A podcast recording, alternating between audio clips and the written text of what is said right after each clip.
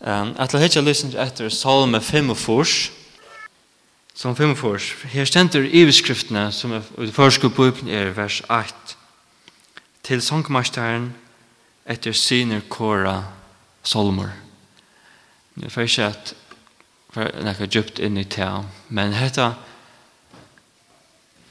Att det visar bara att det är att det ska för slä det av en tekst Och at jeg var i Nigeria, det første så rønte jeg at da nærmengene kom i skolen, at hva slag av tekst er det vi tar hva gjør vi? Er det brev? Er det en solmer? Er det lov? Er det profeti? Er det et evangelie?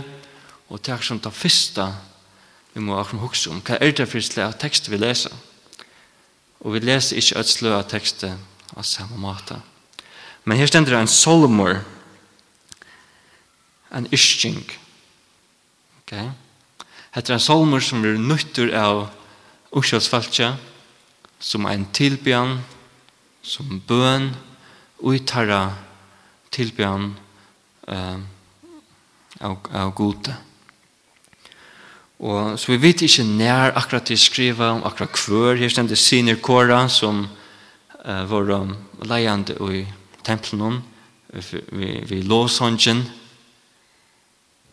Men av til at det er en, et, um, en ysking, at det er poesi, det, er det gjør ikke vi ikke vet akkurat hver og hver og nær.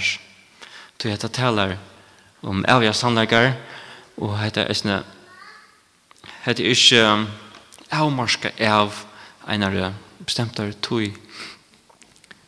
Og her blir um, um, hva skal jeg si, salmaskaldet, Herre, fyr varst til landet tøynum nøyer, til vente leitno Jakobs, til tøkst bursdur sind folkstuns.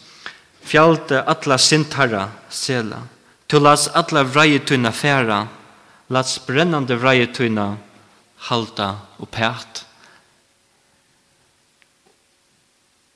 Han minnes Guds sikningar fra fyrr av Guds trofaste og særlig Guds fyrtjeving, som allerhelst har vært ofta.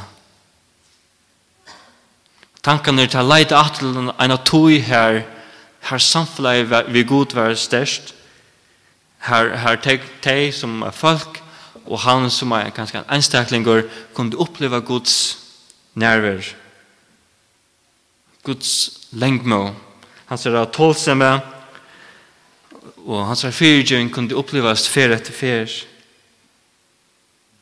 Ta det over tidsen i år, Egyptalandet, og kom inn ut av lova i landet. Ta jeg kanskje um, uh, uh, utländsk uh, herlig stå utanför um, bojinar og vi kunne kanskje finne alltallig plås i bøyene her til å oppleve Guds fyrtjøving, Guds lengmo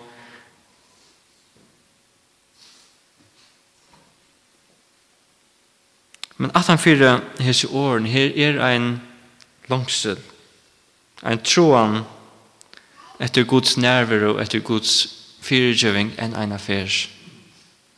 Han minnes Gustav vær, men i vers 5 så kommer da så kommer henne det er ganske det største årene Vend vi atter, frelse god okkara, djeva pæt at hava nekka mot i okkon. Først og a vera ytla vi okkon og i atlar eivir. Først og a leta vreie tøyna halda og mann etter mann. Først og a geva okkon gjerra okkon livandi attor så folk tøyt for glett se ut her. Let okkon sutja nøy tøyna, Herre. Gjev okkon frelse tøyna. Nå er han i einar situasjon her god i nu er fjær. Han er minst Guds avhaldande sikningar og hans er fyrtjøvingar men nu, hva er nu? Nu er akkurat som er Guds sikning stekka, er Guds fyrtjøving hilt no pært. Jeg tror at den om så han følte er det kanskje tog at det har tidsi Guds sikningar og Guds fyrtjeving som, som giva, eller fyrtjive.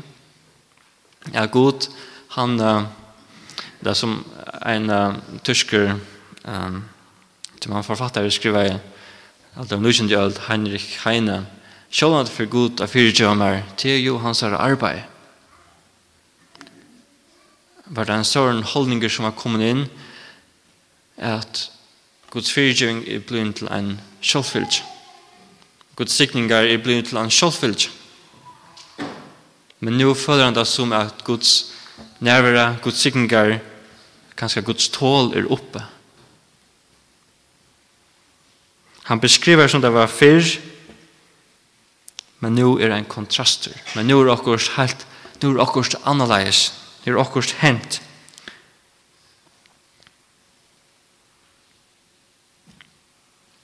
Vi vet ikke akkurat kvært.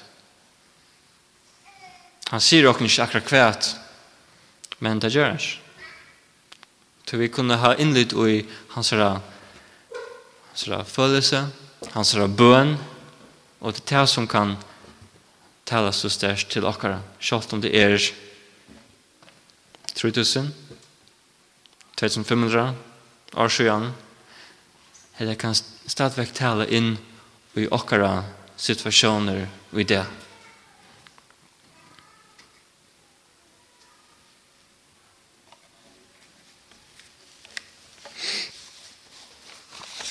Og at legg til mest hvordan det ærligere han er. Og tror jeg som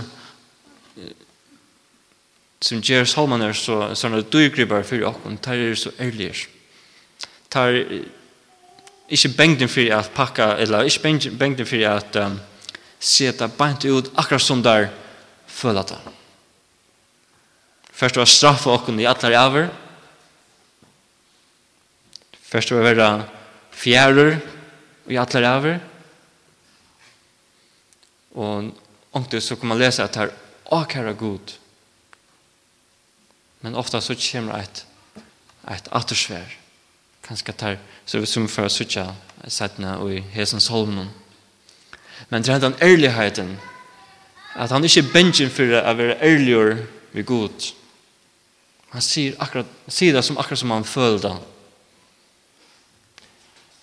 Han ikke vil at pakka det inn, Han ikke vil at oppfinne en altså, halvflagt funnet mål. Han råper til Gud, og så nei. Og halte det noe som vi ikke må glemme. Hette Det er gamle testamentet, minst til. Men det er ikke bensjen for at råpa til god sine innaste tankar, sine innaste følelser. Og det er det som vi ikke må glemme, eisen i det vi akkurat samfunnet ved god, at hava det innelige samband ved god, og ikke være bensjen for at altså, råpa til god akkurat som du føler det. God, han, han tål det, så bare roligt. Han kan taka det. Sånn er tar, du tar, vi vil ikke hava år at eller du ikke sette år av akkurat følelse, så kunne Salman jo hjelpe oss at sette år av og det kunne brukes som akkurat bønner. bøner.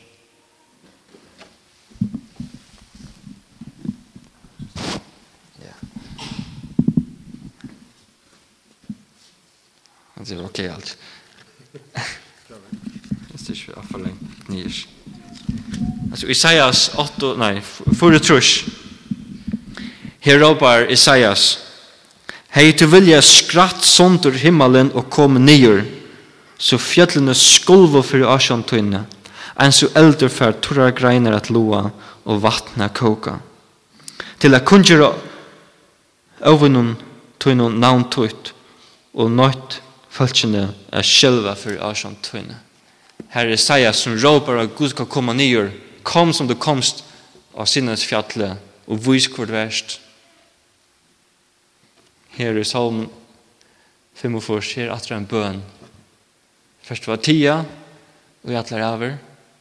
Hvis det samarbeider som uh, for det fjørde, som lukist nekva matar, her atra en, her har minnest hvordan Guds samfunn var fyrr, og så er en bøn, eller en, en sånn akaran, og så enda salmen. Men her i salm 45, han ender ikke her, til han kommer i vers 9, er for at lusta, hva god Herren sier, visselig han taler fri ved folksutt, og vi hinner heile og søgne, og vi teg som venda hjertet til hans herre. Ja, frelse hans herre er teimonær som øttast han, kjøtt skal heier byggva i land i okkara. Så oi, hese bønene er ein, ein vantan at ja, god for at lusta, god for at sværa, og han får ikke at tia og i atlar over. Og det første, det var det, det som det første versen, han myntest hva god har gjort fyrr, det neste han leie år og hvordan han heie det, hvordan han følte det, hvordan han opplevde det, eller teg, flere tal, nu er det en vån, en vantan, som er kommet i 18 år, hetta hessa jottanana. Er jeg lust. God fyrir sida kurrur og i atlar av.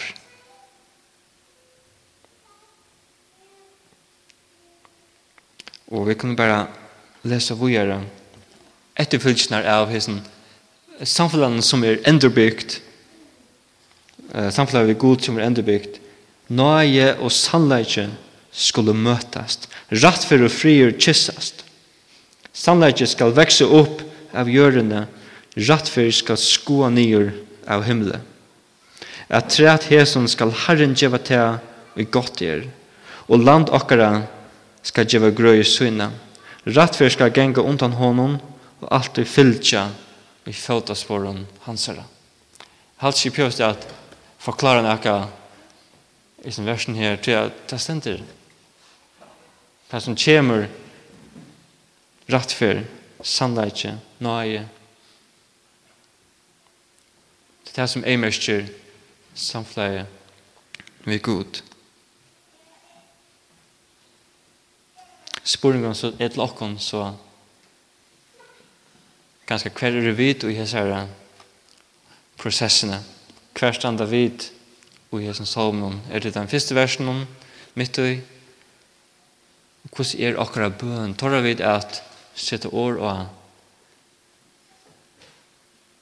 det som vi vil føle innast inne. Og det er det som vi gjør at vi tar breie og vinne. Vi, vi er alle innskående situasjonen, som einstaklingar, som, som er en sankoma. Vi lytter atro av hva god har gjort fyrr.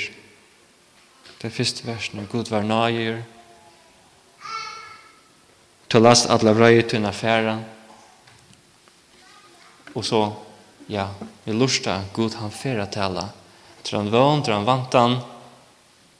Han langsil. Er god han fyrra tala. God fer å være